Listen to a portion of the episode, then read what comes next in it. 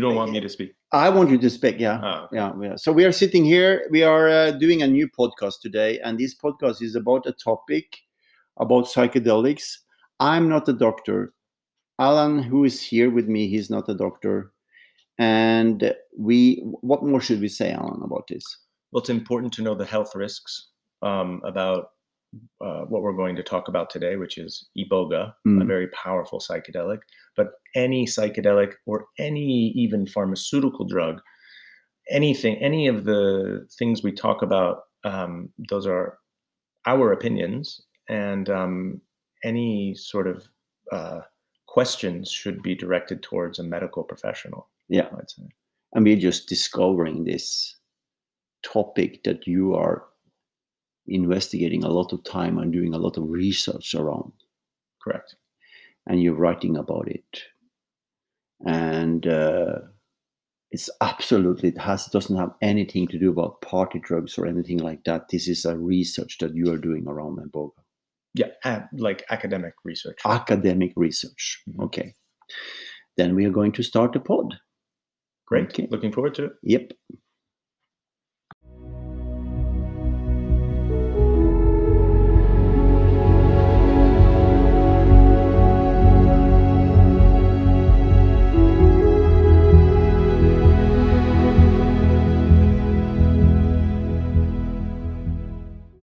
now Uh, so it's a new podcast today and we're sitting and we're still working with the technical things. Casper is working on the technical things. We have lights. We have a camera. I'm here. action. we have action. And i have i'm so happy that you're here. And as always on my podcast the guest has to present himself.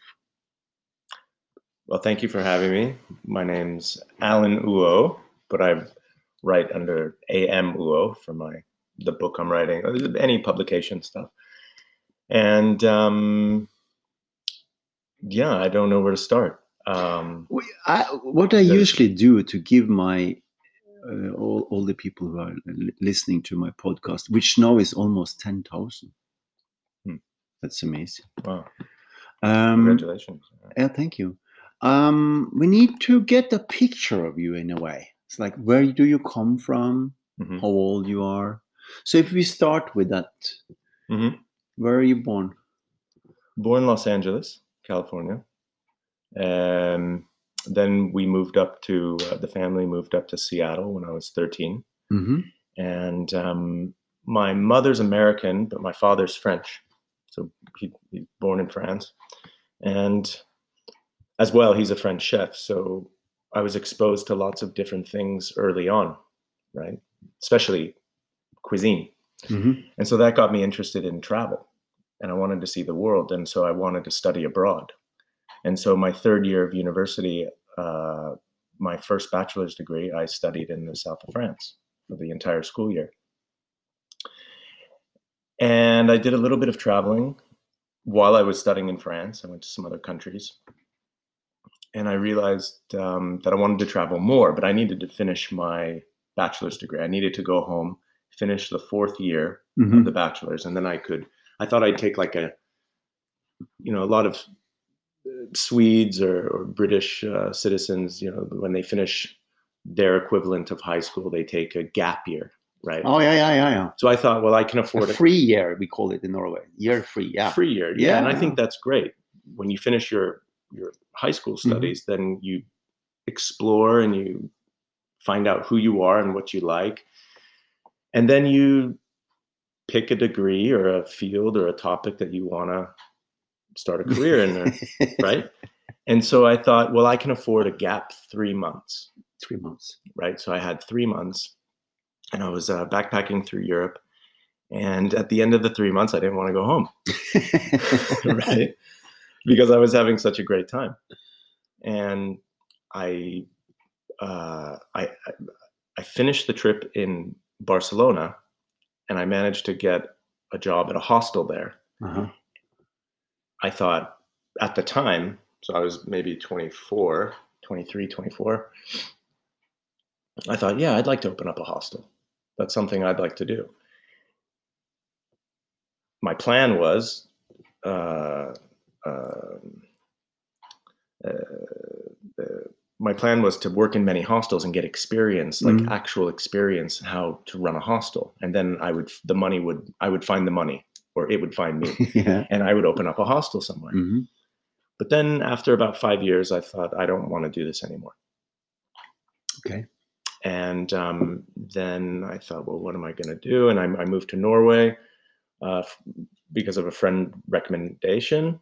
And so I'm still abroad, but I'm I'm working, but I'm sort of traveling because I'm abroad. And then um, yeah, then I got into then I started a master's degree in philosophy of technology. hmm It's called Philosophy of Science, Technology, and Society.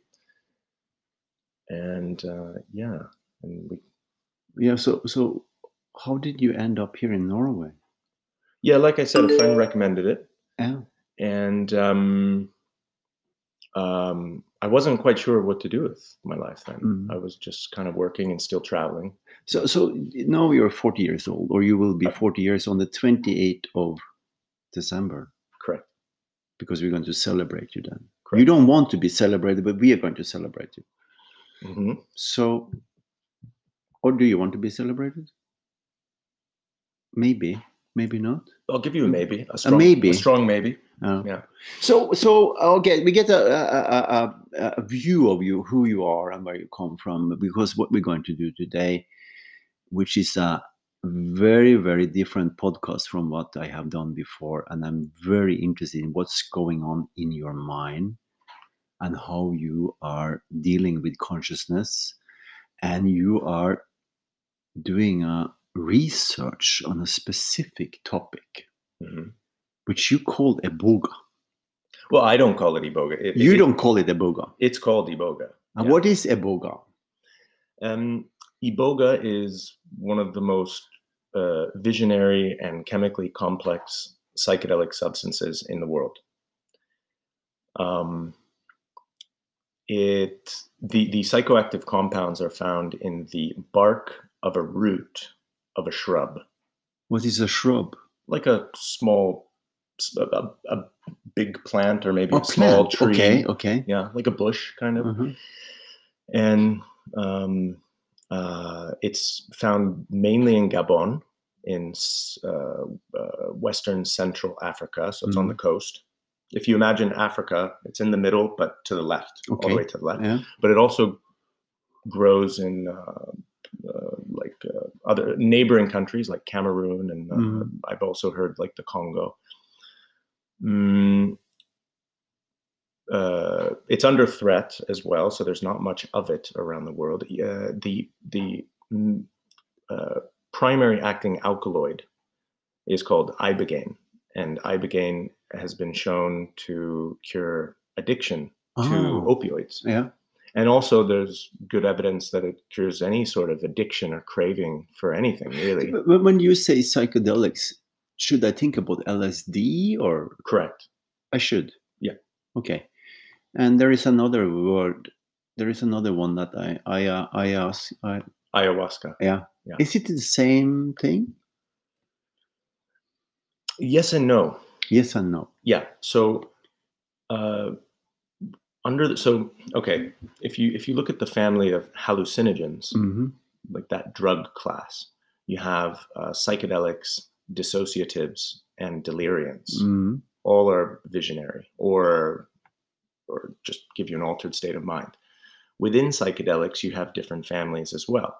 So you have uh, and i'm mispronouncing this but uh, phenethylamines Yeah. you have tryptamines and you have lysergamides or lyser- lysergic acids. Hmm so to your question lsd is a lysergamide.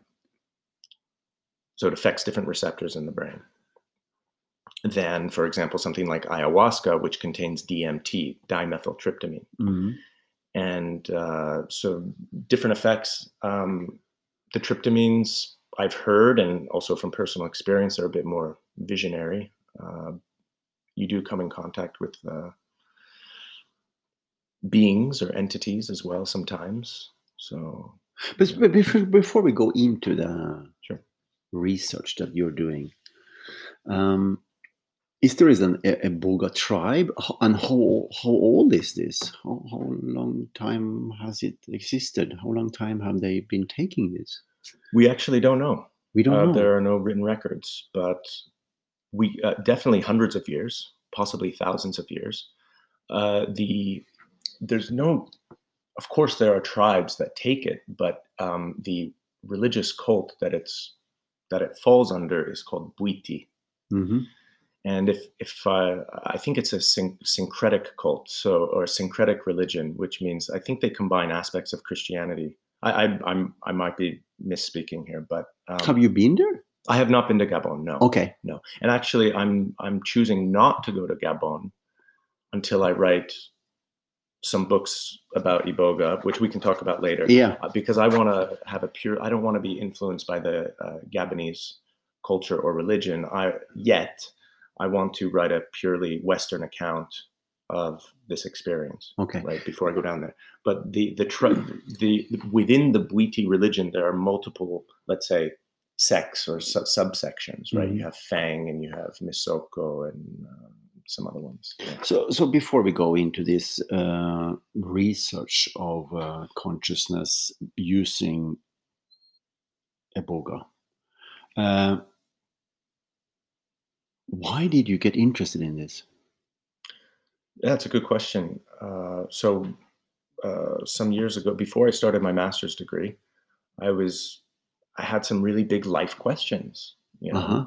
and one of my friends, who a friend and colleague um, at my work, uh, was more into psychedelics than I was, and so I would ask him questions, and then eventually I started doing my own research, and I went to YouTube, and I went to forums, and I bought some books, and I read stuff online, and I thought, okay, I'm just, and, and I just also want to stress that I took psychedelics before that, ten years before, uh, but in a more recreational or party Party way, party way, Yeah. right? So usually mixed with alcohol, Yeah. right? because this is important. What you say now, you're not doing this in a party way anymore. You're doing you do it as a research. Correct. Yeah. Now, there's nothing wrong with doing it in a party way. If you no, want we're not judging anybody. not We're judging. just no. and that's fine, and it can be fun. Th- The way I do it is more. Um, uh, I want to understand what it does to consciousness.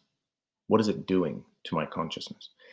So the after a long hiatus, like I said, roughly about a ten year hiatus, not taking any psychedelics or mind altering, but mind revealing, mind manifesting drugs. Uh, I took ayahuasca Okay. and that was an amazing experience. Actually, I'm writing this chapter now. I'm, yeah, I'm yeah, writing yeah. about this. yeah, in- in tell me my- about in tell me about these. There's so many questions here. So Yeah. we, let's do that first. Okay. Well, how was that experience? It was amazing. Yeah, that's. I need to. I need to Yeah, know right. more. Right. Well, I went in. So at the time, as I took ayahuasca, I was already, I think it was my second quartile of the first year of my master's degree. uh huh. And in this master's degree, we learned about uh, philosophy of technology and science and technology studies. Okay. So philosophizing about technology. And I took this, I took ayahuasca, and maybe it's, for me, it felt very technological. I went in, of course, I had some personal questions for myself. Yeah. And also just as a human being and just kind of big life questions. But also a part of me was uh, observing it, what it did to my consciousness, what did it do to my perception, my Oh. thoughts, etc. And it took me for a ride. Um, and by the way, I was in a very safe place.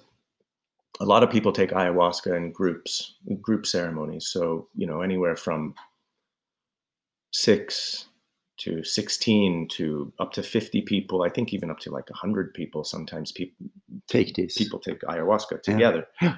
And I didn't know how I would react to it because a lot of people cry, a lot of people, you know, maybe you need your guide to hold your hand, um, or I, I just didn't know how vulnerable I would be. Uh, well, I, I didn't know what I, what my reactions would be to that vulnerability. So I opted for a one-on-one So now this this uh, woman, this Dutch woman, she wasn't a shaman. She was a guide. She Mhm. guided me through the experience, and there were some rough patches where it was started to feel kind of overwhelming. And I, I distinctly remember saying to her, "They're giving me too much information. It's almost like a download, Oh, so you get a download. so to speak. If we use computer Mhm. metaphor, Yeah, yeah. right? Uh, So can you give an example of one download?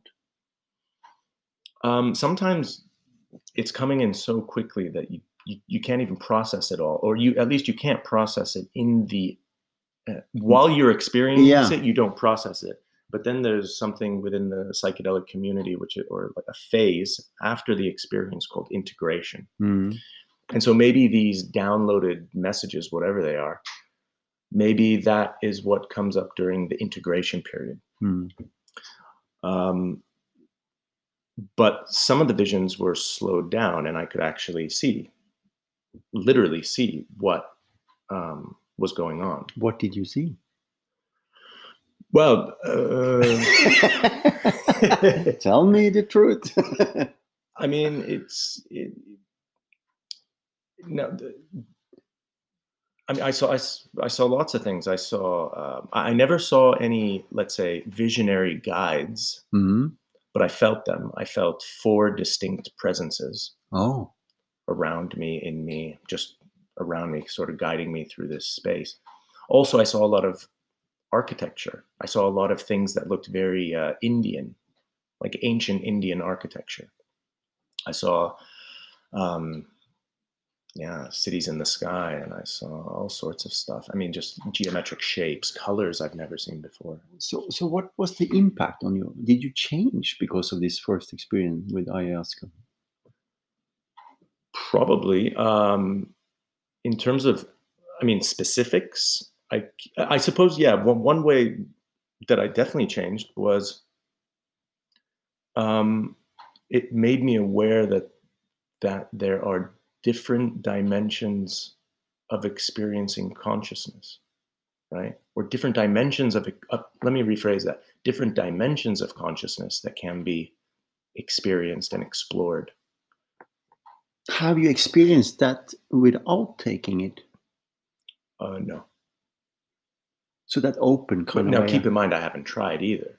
So I haven't Oh. I haven't tried to uh, I've I tried meditating, you know, a couple of times, but what I'm saying is is that I, I didn't try yoga, I didn't try the other, let's say, non-drug means to get me to that place. Ah, Now, okay, so yeah, with on. that with that said, um, months after that ayahuasca experience, no, sorry, about a year after that ayahuasca experience, I smoked. Uh, I went to a retreat in the Mhm. Netherlands, and I smoked five meo DMT, Okay.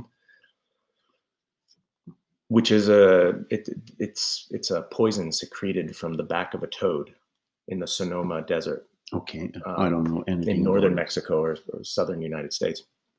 And so uh, smoke this, and I was I was speaking to my friend who was also there who smoked it, and he said he's and he he meditates a lot, or he had meditated, he practiced meditation for long periods of time before smoking that 5 MEO DMT. And he said, that's it. That's what the Buddhists and the Yeah. meditators are. Yeah. He said, that's it. Yeah, because that's a state of being we sometimes get into if we're lucky or if we have practiced a long, long, long time. That's what I've heard. Yeah. So it's like um, it's like a fall inside of yourself. You fall, you sit in the position, but so when I speak about meditation in that context, it's not about time anymore. It's about energy time. It's about how deep do you get. Mhm. So you fall inside of yourself, like you're falling down, and you get into something. I can't say that's the same as you experience because I haven't tried what you have tried. But I understand what the monks are talking about because I've been in monks' retreats and I have been living in with monks. So I'm practicing that for a long time. Well, I can tell you that this experience felt like an eternity, and I was only in it for about five. In the in the like in the middle of it, the, the it was like five minutes. Yeah. So they told me, but it was some timeless realm. Yeah. It was something without time, and I've personally I found, and I, and I've smoked DMT as well, just normal dimethyltryptamine. Mhm. But the maybe the dosage was bigger on the five meo, but it was. I found it to be terrifying Mhm. So that was terrifying Uh, for, for me. for you. Yeah. Yeah. There was no. It was a non-dual state. Mm. It was. It, there was no subject, no object. It was just everything was one. Yeah. It was. I guess you could call it a mystical experience. I don't really know what to make of it. But what bothered me was that as as a, I suppose as a, as, a, as someone with a scientific mindset and a philosophic mindset, Mhm. there was no me to observe, take observational Oh, the witness notes. of yourself wasn't there. right. So you were in one with everything. Right. And if you're one with everything, there's no you to In- make observations, to bring back to sober reality. and everything is infinite. But that's not why I thought that that's not why I thought it was scary. I thought it was scary just because I've never been I had never been, let's say, as some mystics say, melted away Yeah. to that point. So that was your first experience, and then you continue with this. You get deeper into it. I went deeper. Uh, uh, then I um, tried a substance called iboga, which we which we are talking about. which we're talking about.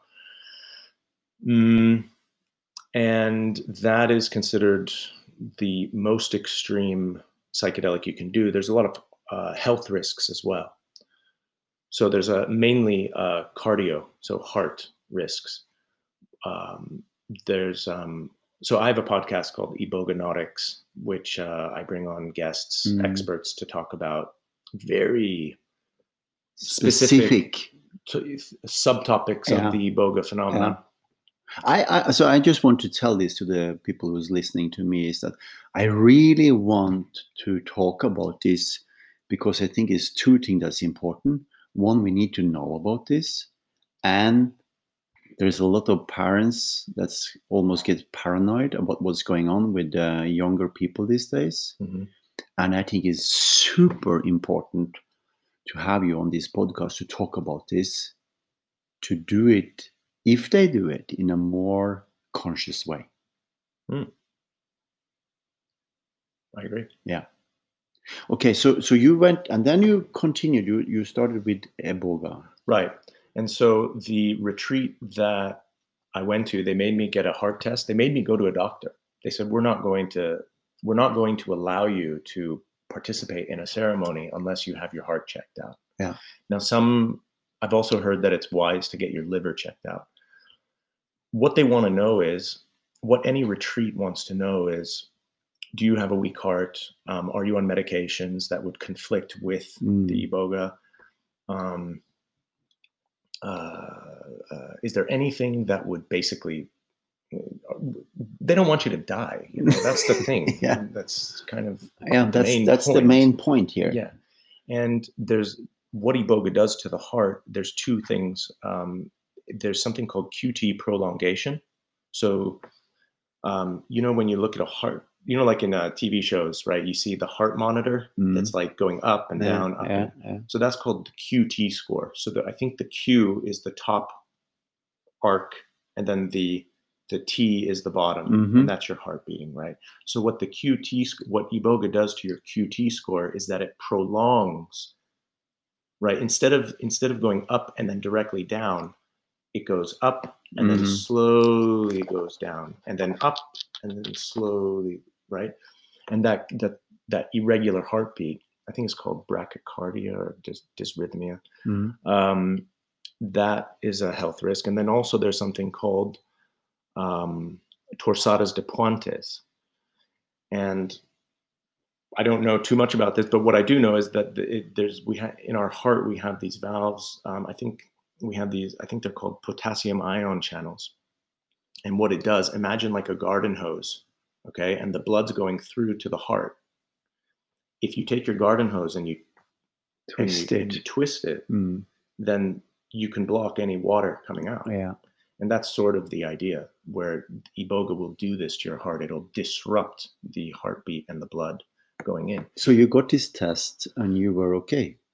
I was fine, yeah. You were fine. Nothing Right. is wrong. No, yeah, if, and if you have low blood pressure, then you Mhm. shouldn't take it as well.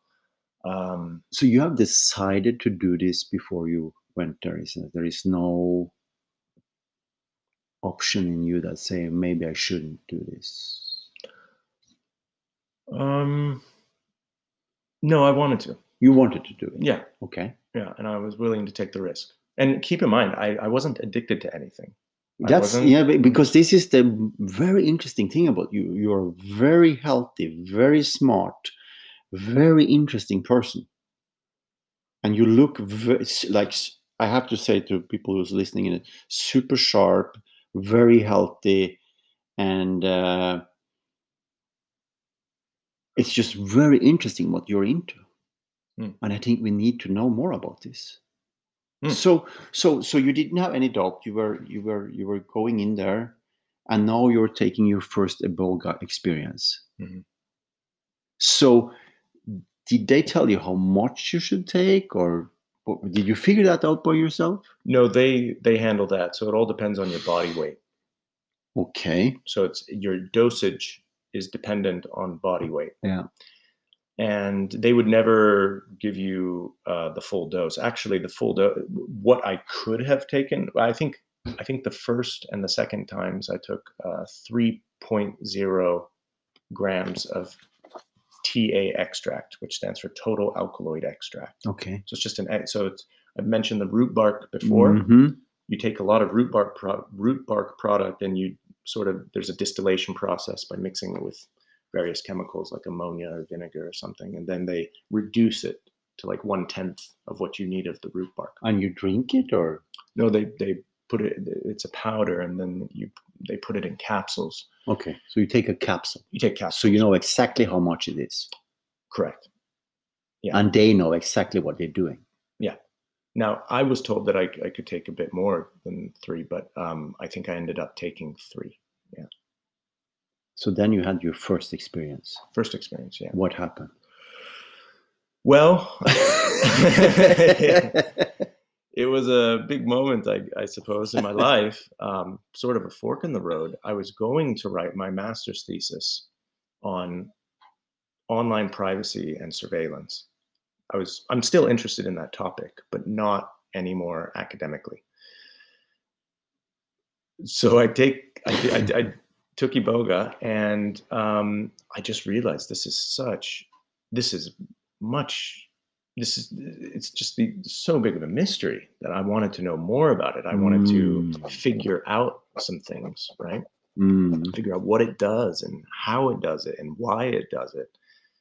And um, it was uh, really tough. There's a lot of vomiting involved. So if you're not into vomiting, then ayahuasca or iboga is not for you. What does it mean? Explain that more for Norwegian. Vomiting? Yep.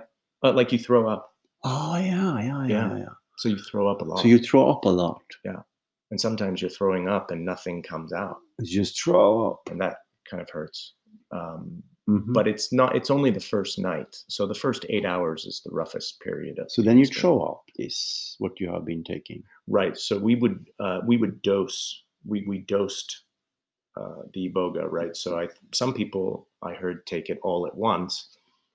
We um, Dose spaced it out. yeah, Spaced it out, throughout okay. the night, Okay. and then you take a dose. Then you throw up. You'd wait a bit. hmm a bit, maybe being an hour, maybe an hour and a half. I can't Mhm. remember.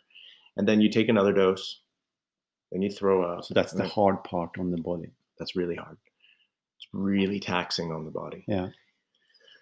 Mm, Do you have people visionary. around you then to take care of you, or are you alone then? Yeah, yeah, yeah. Yeah. Yeah, yeah. So they give you water and They give you whatever you need. Yeah. If you, if uh, it's it's very difficult to walk on the first night. Now, keep in mind, this isn't all psychedelics. This is this is the hardest. Iboga is probably the hardest psychedelic you can take on the body and mind. Yeah.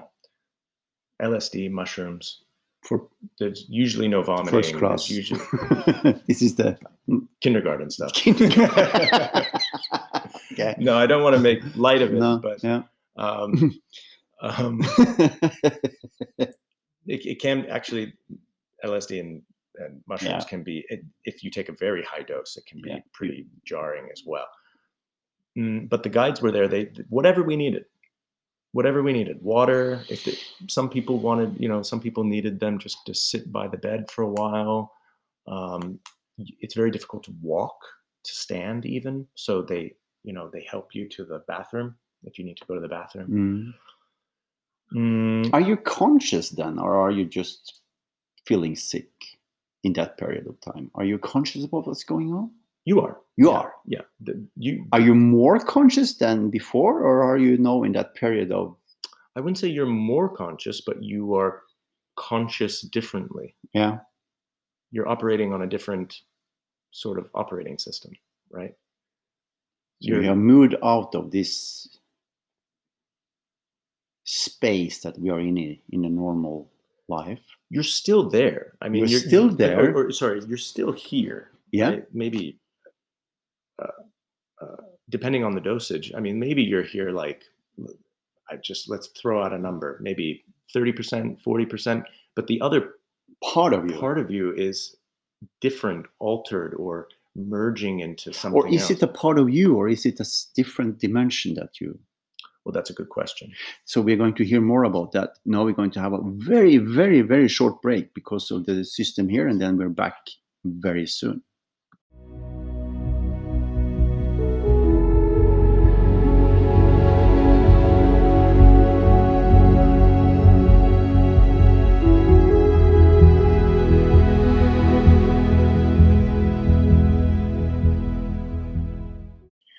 So we are back again, and we were in the middle of an experience. hmm You have been doing your first eight hours throwing up. You're still conscious. 30% of you are here, I mean, roughly. roughly. Yeah. And 70%, 70% are. That's the question. What's that? Well, first of all, I I think it's it's not possible to quantify what percentage, but I, I just threw out a number. yeah, that's okay. Just, so Did people you get an idea. idea what's going Yeah. on here. Um, the but the other percent, um, I'm not sure what that is yet. Uh, you you raised a very good question before. Um, is that another dimension that is, say, objectively real, or is that a dimension of the mind that is subjective? Mm. That's d- within me. I, I I don't know. I, I doubt we'll ever know. Um, whatever it is, it's just fascinating. What it what it allows. Uh, what it, uh, how do I say this? Um, what it just what it it allows perception. What you can experience perceptually, mostly visual. It's mostly mostly visual perception, but there are some auditory perceptions as well. The visionary experience, the, re- the reason I'm attracted to Iboga is because what I've noticed from, from now, I'm speaking from personal experience, so it's probably different for everyone. But when I take mushrooms or LSD, you know, I might see some walls breathing or melting or, right? Which sounds strange in itself but I don't see very clear things. It's not always clear. And one of the reasons I like Iboga is because the visions are very, very clear, Oh, you see, you see clear visions when You you take it. crystal clear. Now, so, some of the things, some of the visions, at the, when you're when you're ascending into that state, so at the beginning of the experience, sometimes it can be a bit messy. Things are starting to crystallize a bit, but once you're there, then uh, things are very clear. So, what have you seen? I mean, I've seen people. I've seen uh, most, mostly. Uh, I mean, what what really interests me are the the beings and entities because it's like, who are they? Um, Do you speak with them? Yeah. Do they speak with you? Do they yes, they, answer they respond. I've, They respond. yeah, I've had. Th- of course, this sounds crazy, but It's I've- it's I've- that's okay. I mean, that's why we're doing this. It's to get a little bit, you know, open the window for what's going on. well, I want to figure out what's going on. That's what I Um, know. You know, want to figure out, and you write about it. You will write a book about it. You have Mhm. your own web page. You have your own Podcast. podcast. Right. So I'm interested um, who these beings are, where do they come from, why am I why and how am I able to see them? Um, a very small percentage, I would say. This I can put a percentage on. Um, after seven iboga flood doses, flood doses like the big dose. Um, yeah, I've seen beings or entities in in every experience, and I would say maybe five percent are non-human. How do they look like? The non-human ones. Yes. they the ones i've seen uh, most of them are humanoid so they have a head a torso legs and arms but the face is something else. Mm, some don't look humanoid at all. Some look uh, i don't know kind of monstrous or grotesque. Mm. but mm, that doesn't mean that they're bad or mean or or evil. Um, you know I, I mean my parents taught me don't judge a book by its cover. So maybe maybe Maybe, they, they are mean, maybe not. well maybe yeah maybe but maybe But they haven't been mean with you. no they're observing me sometimes i talk to them but maybe they just look horrible or what do you talk about? uh funnily enough we talk about the research that i'm doing Yeah. and I'd explain to them, you know, I, I'm a human being. I'm, I, I took this substance, and this, these are my aims, and these are my goals, and these, this is what I'm, I'm exploring this uh, dimension. And So, so, Thanks for hold, popping hold, hold by. that for a second. So, what is Yeah. your aim? okay, so a lot of the iboga research that happens right now centers around um, addiction interruption, uh, therapy. So the addiction interruption would be, uh, you know, like I guess physical uh, therapy. Yeah. Um, but then you also have you know psychotherapy. Yeah. So dealing with things of the mind. I, I suppose who is it- dying get mushrooms, get help. correct. Yeah, that's called palliative care. So when when people have six to twelve months to live, they might. There's some good research out of uh, Johns Hopkins University giving people mushrooms, psychedelic mushrooms, Yeah. uh, to help with that fear of or anxiety of death. of dying. Yeah. Right.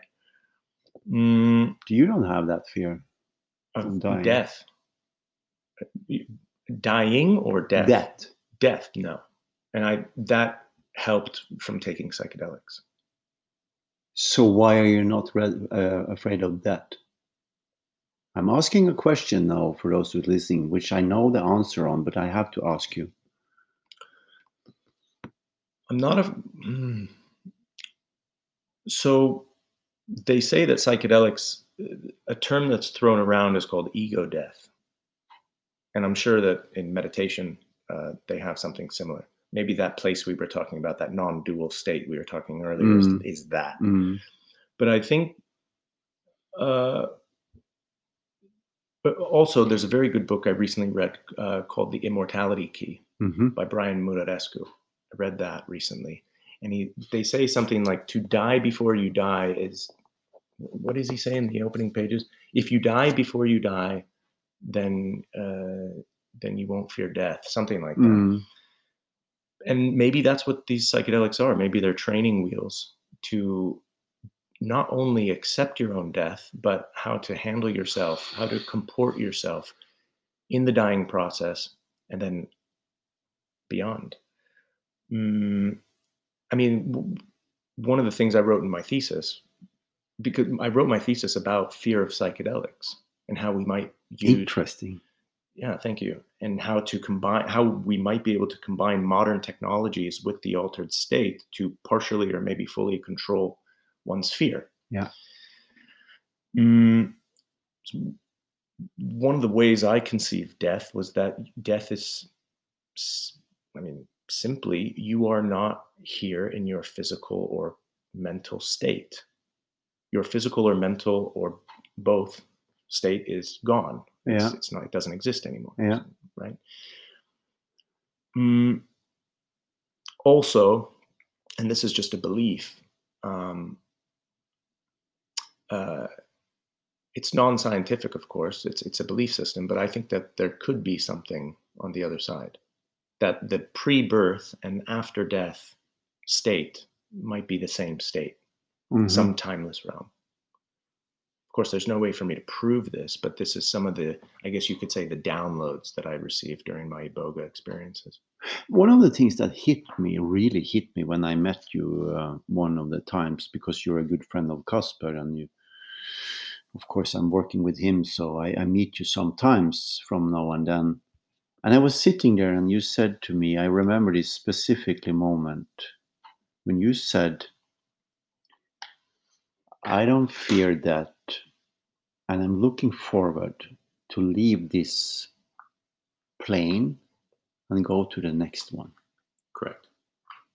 Can you say something more about that? Yeah, I've always felt from even an early age that there's there's uh, it's, uh, I, I can't I don't know how else to say it. Like there's something uh, unsettling or or wrong with this place, this physical reality. That there's Mm. this like we don't come from here kind of thing, Mm. you know. Um, and I, mm, I wouldn't say I'm looking forward to. Maybe I did say that. You to did. yeah. Okay. Um, but l- l- let me let, let- let me articulate it a bit Yeah. better then i'm not i'm not uh i, I don't want to it's not that i want to die i'll write out this experience and whatever Yeah. it has in store for I me I understand that. Right. Yeah. it's not i don't want to die i'm not Mhm. trying to die or kill myself Yeah. mm, so i'm enjoying it while it lasts and i, I guess trying to f- figure out what it is what this conscious experience is what it is to be a human being and also at, during this time period of human civilization Yeah. on this rock rotating around this star in this part of the galaxy but mm, definitely psychedelics have made me less afraid of death. And i think death will be the ultimate trip.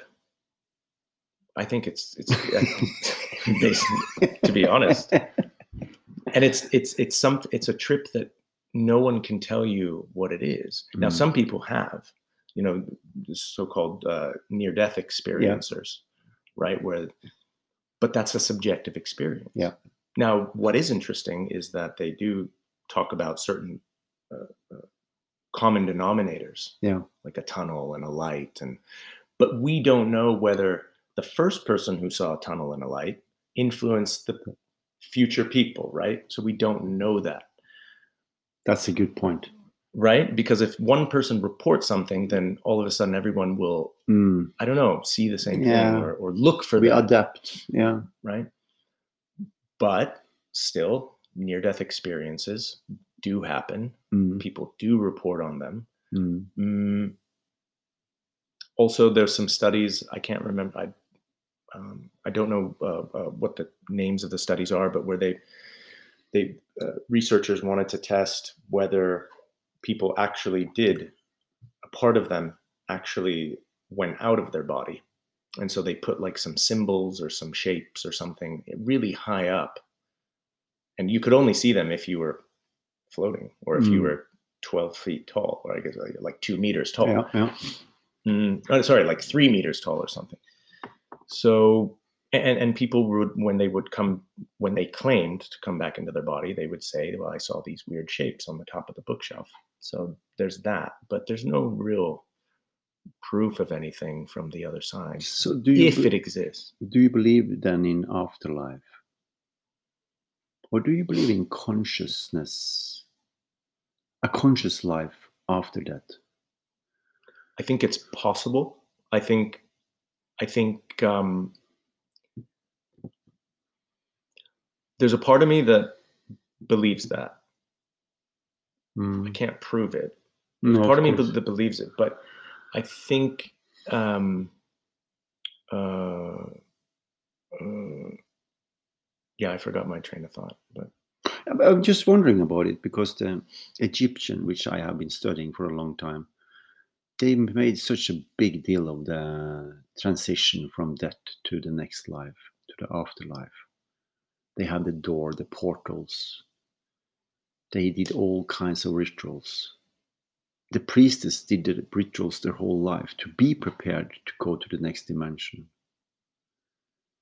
And I'm wondering if you have been touching that. It's like you have been looking into that when you have been taking the psychedelics. That's what I'm wondering about. I think so. Maybe it's possible. I, d- I don't know enough yet about it. Um, I hope to find out. Mm. Because that's the next question. Because you've been answering the why you're doing this.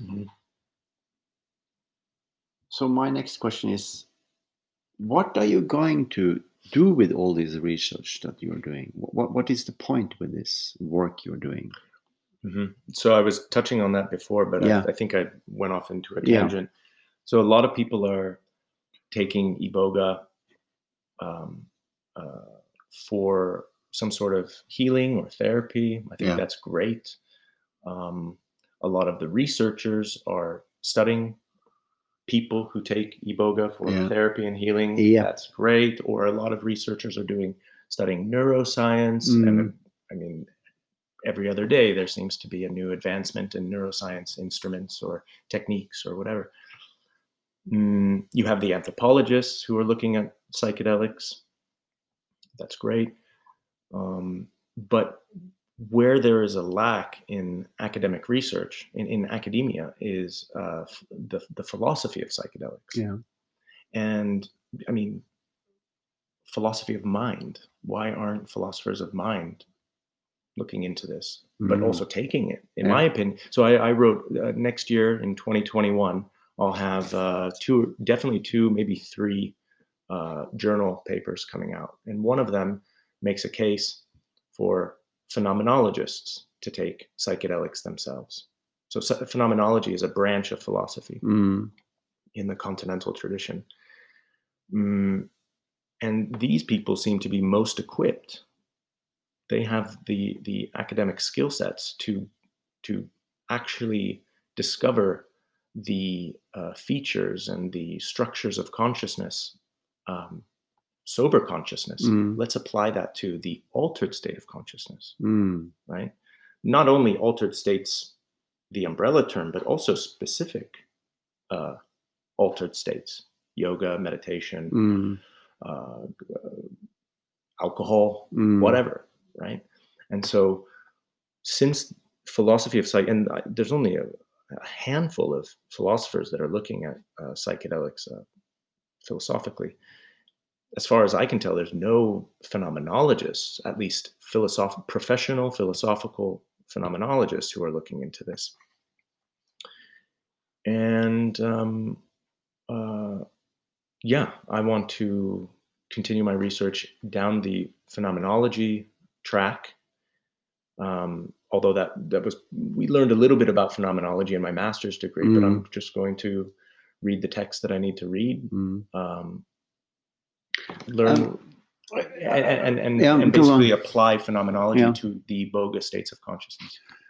So, it, so it's not the iboga in itself; it, it- it's the experience that you are looking into. Correct. So iboga is the vehicle. Yes. Yeah. So all these things that I mentioned, alcohol, Yeah. yoga, meditation, yoga, those are vehicles. To get into that state of being, Correct.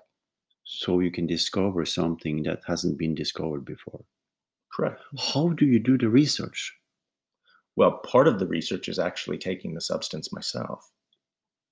Also, reading the reports of other people, which I think is important as well, because then you can compare, right? Okay, so But then another part of the research is actually reading the philosophical texts, getting, you know, really from who? well, I mean, from from the major, let's say, German and French phenomenologists of Okay. the 20th century, Husserl, Heidegger, Oh, Merleau-Ponty wrote a book called Phenomenology of Perception.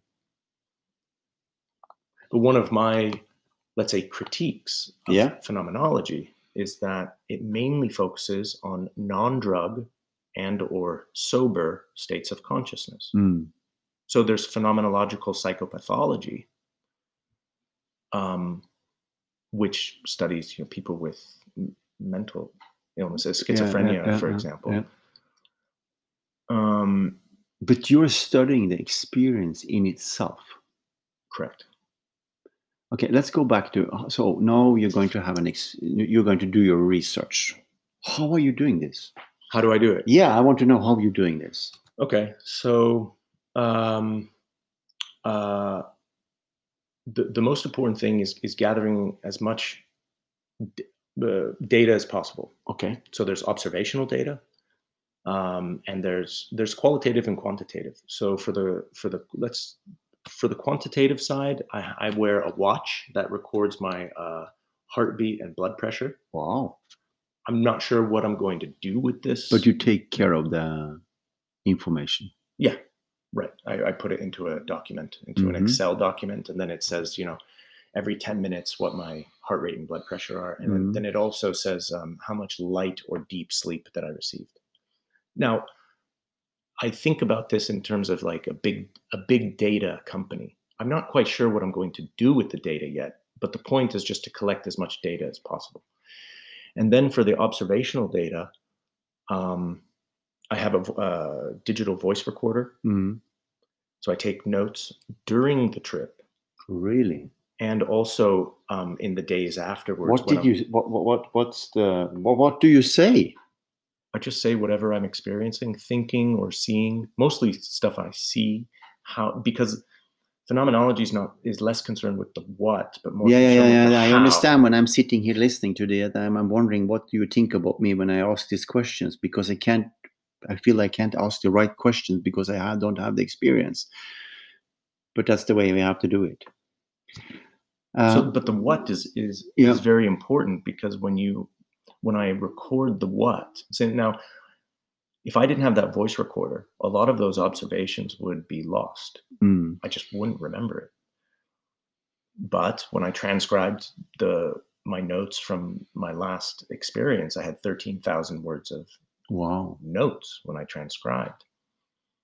And so when you when I when I speak about when I simply report what I'm looking at, then later when I'm ready to actually write that book on on Iboga, Mm, um, I can start to, I guess, construct the structures of conscious the, the structures of Iboga consciousness. yeah, Boga consciousness. Yeah. Mm. And then I um, also, in terms of qualitative data, right after an experience, or I should say, after my first sleep, Mm. because I usually don't sleep for about three days when I take Iboga. It's just Really? it's very difficult to sleep. So you're awake. Awake. How is your body after this experience? You feel like you've gone through a meat grinder.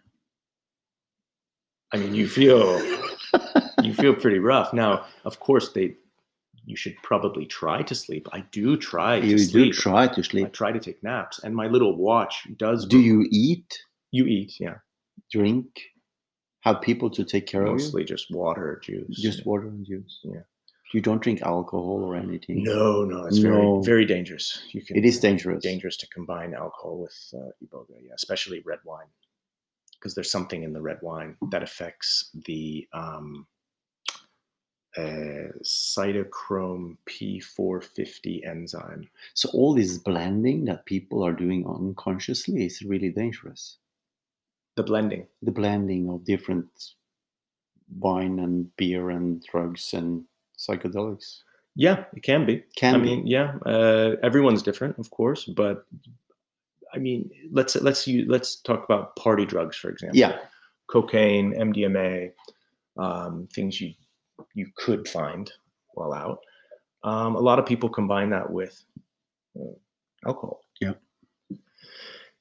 And I've tried both with, with alcohol and without alcohol. Um, you do feel shittier when you drink. Mm. I mean, you feel you don't feel so well anyway after you drink. Anyway, it depends how much you drink. yeah, well. yeah. No, I, I don't think anybody does that. Right. Um, and I, you know, I'm not one to judge. If you want to do that, that's fine. If Yeah, you want to take these drugs and then also drink a lot, that's Yeah. fine. Um, but um, yeah, Waste of yourself and waste of. Yeah. Yeah. Okay, I have a could be. I have another question for you. Mhm. What, how can you explain consciousness? What is it? I don't know. I would say consciousness. Um, I mean, so many people have different uh, interpretations, but for me, it's it's uh, it's and you know what it feels like. If to me, it feels like it's an observing. It's just an an observing awareness. It's it's just an observer. It's it's not doing anything. It's it's it's not even me. You see, so it's for me. Uh, yes, I am a conscious being, but I don't feel like the consciousness is me. I guess I guess I'm the ego. But then I also think that that the mind is also a, a third actor in the Yeah. in the play, where I feel like ego and mind uh, are trying to understand what consciousness is. As so, like Yeah, ego- yeah, yeah, yeah. I feel yeah. like The two- two- ego- yeah. ego and mind are two separate actors Yeah. that are both trying to figure out what consciousness is. yeah, Yeah. I agree with you. Yeah. And so far, I don't figure it out with my mind or ego. Yeah. I only for I only f- not figuring out. I only experience it. That's what I want to say. It Hmm. when I have these drops or falls, or I get into it Hmm.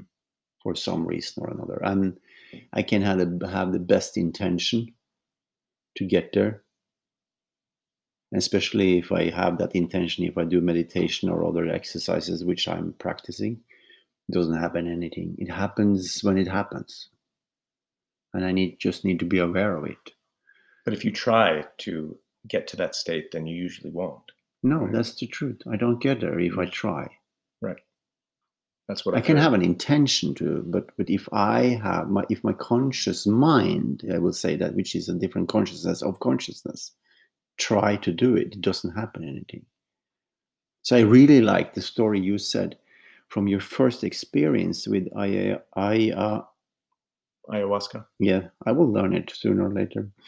Um, where you said that you basically lost the ego because you had a feeling experience, I will say. That's what you said. Oh, that was the 5-MeO, Yeah, okay. sorry the non-dual state. yeah, the non dual state. Hmm. What is the most unbelievable experience you have had? Can you share it with this? No. What is the next next best? and you mean um, unbelievable state yeah, wh- while taking a Yeah. psychedelic? yeah. yeah Yeah. no i can't share that because it's uh mm, it's too weird also I'd, I'd rather not relive it i think that when you Oh, i think that when you describe something a memory for example there's a part of you that relives it and there's something that um yeah no i don't want to that's interesting. i don't want to go there And you know what's really interesting about that? All the people I have met through the world who have had, and I don't know if they have been taking drugs or not, that I don't, that's not the point here, but have had experiences like being in some kind of dimension. They don't want to talk about it, like you say, because there is no point to explain it for others because they will not understand it anyway. okay so i have two comments about that Come on. One is I can explain this because I it, it was the fourth day of being awake, and um, there was definitely me. There was enough of me there, quite a bit of me there to that experienced it, that can report on what happened. But the, to your second, or to, to your point, hmm uh, and I write about this in my thesis. Um, uh, there, there's a great um, um uh, philosopher of mysticism by the name of uh, Walter Stace. hmm He wrote a book in 1960, I think, called uh, Philosophy and Mysticism, or Myst- uh, Philosophy of Mysticism. And he, uh, he, so so in English we, we have a word called ineffable. It's unspeakable. hmm You can't talk about it. hmm And he says the reason it's so unspeakable is Mm. because the experience is so bizarre. Yep. Right? Something like that. And it's it's it's it transcends uh, language right it's so it's it's it's very feeling based or Yeah. emotion based Yeah. Um so yeah and and so the words that you the clumsy words that you find to describe it pale in comparison to the actual experience and Yeah. then when people try to explain it to others that have not had this experience you they might sound crazy or they might sound it, it's one of those things you have to do it to experience it Yeah. sort of like psychedelics there's a bit Mm. of a leap of faith there you just have to if you want to know You you have to you do have it. to do it Yeah. and then when you do it then all of a sudden you when you try and explain it to someone they'll look at you like you're crazy you know so it's like this yeah nice cycle Yeah. um you just have to do it if you want to know if you want to know. Yeah. Um, I'm going to stop again, and we're going to wrap up this uh, amazing conversation, explanation, podcast about this topic. And soon we are back again.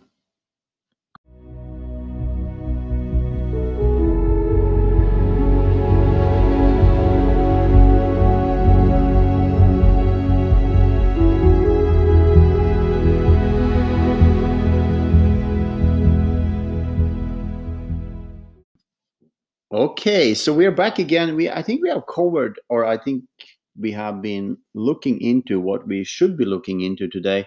Um, but you also do other. You have a web page. It's called it's a so my last name is pronounced uo but i'll, I'll spell it out it's Mhm. amuo.com so it's a m h o u o t dot com mhm. I will write it in the explanation about you, and I send this podcast out. So, um, um, is there anything else we need to cover? Um, I mean, other than yeah, I just want to stress a couple of things. Yeah. Some very important things.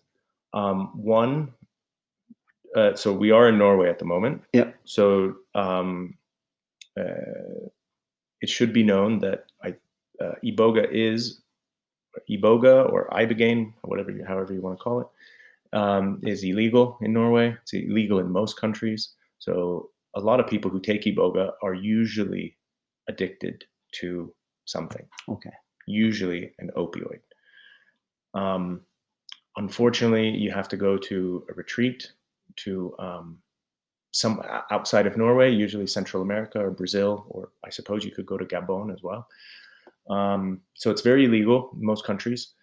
Um, the health risks are very important. Get your heart checked out, your your liver checked out before you take this. Also, I recommend a couple more things.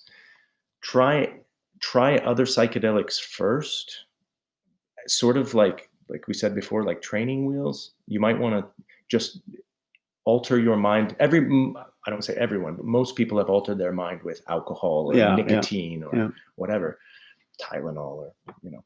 Um, but it's it's I think that if you if you had yes, you might be addicted to something, but if you take if, if you go from zero to a hundred, you just don't know how that's going to affect your mind during and after the experience. And I think it's a good idea to that's what I did. Iboga was the last new, let's say new psychedelic I tried. But before that, I had tried Yeah. I tried party drugs, I tried other psychedelics, I Mm. tried all sorts of stuff. So I I, I knew I, I, I sort of knew what it was to alter my consciousness. So it wasn't it wasn't like a slap in the face Yeah. when I took it. I mean, it was a slap. It was a hyperdimensional slap in the face, but it Yeah. wasn't as bad. It didn't hurt as much. And um, um, also, you know, just consult your doctor. Consult, do everything you can try, before taking iboga. And also, I think um, taking iboga is not a 100% guarantee that you're going to kick the habit. Mm, your addiction. mm, Because if you fall back into the same social circles and you fall back into the same mindset and you're not Mm. willing to integrate and work on yourself, if you're not Mm. willing to put in the time and energy to actually work on yourself, mm. then um, then that could be a problem as well. So Yeah. you might you might just become addicted again. Yeah, And so yeah, uh, be careful. be very careful. Yeah, do your homework. And anytime you put something into your body, do as much homework as you can. And also, I think it's important to stress that I assume that you are not a doctor. I'm definitely not a doctor. I'm not a doctor. I'm just interested in the topic because, and, and there is different reason why. First of all, I find you as a very, very, very, very interesting person. What you're talking about is is super interesting, and I see you as a very healthy person. Uh, and there is another thing, and that's I have some because I'm guiding people into consciousness. I'm guiding people through their body. I'm helping people. I have a lot of people who have addiction and issues. Mhm. And I also have people who are concerned about this topic. And I'm really aware of uh, that I don't know very much about it. And I get questions about it. Uh, I don't recommend it. I, I, I just, I, I don't do that because I don't know exactly what I'm talking about. And uh, I think it's very, very nice to have you here to talk about this in this way so more people can understand what this is about and get that respect and and do it as a I will I don't know if I should call it a medicine or a or a, It's a common way to call it. yeah Many people call psychedelics medicines, which Mm. is that's fine. that's fine Yeah. It- it- it is. Uh, but your way of i will say investigating researching writing about this it's actually opening things up for me to not judge it and not uh, have uh, my opinions about things that i don't know what i'm talking about so i think this has been a really really great hour with you Alan. it's it's it's i'm amazed at what you are using your time and energy on i think it's very important Thank you. Yeah. Thank you so much for coming up here in the woods. What we're going to do now is that we're going to make a truffle white truffle pizza for you. Mm. thank you alan. Thank you so much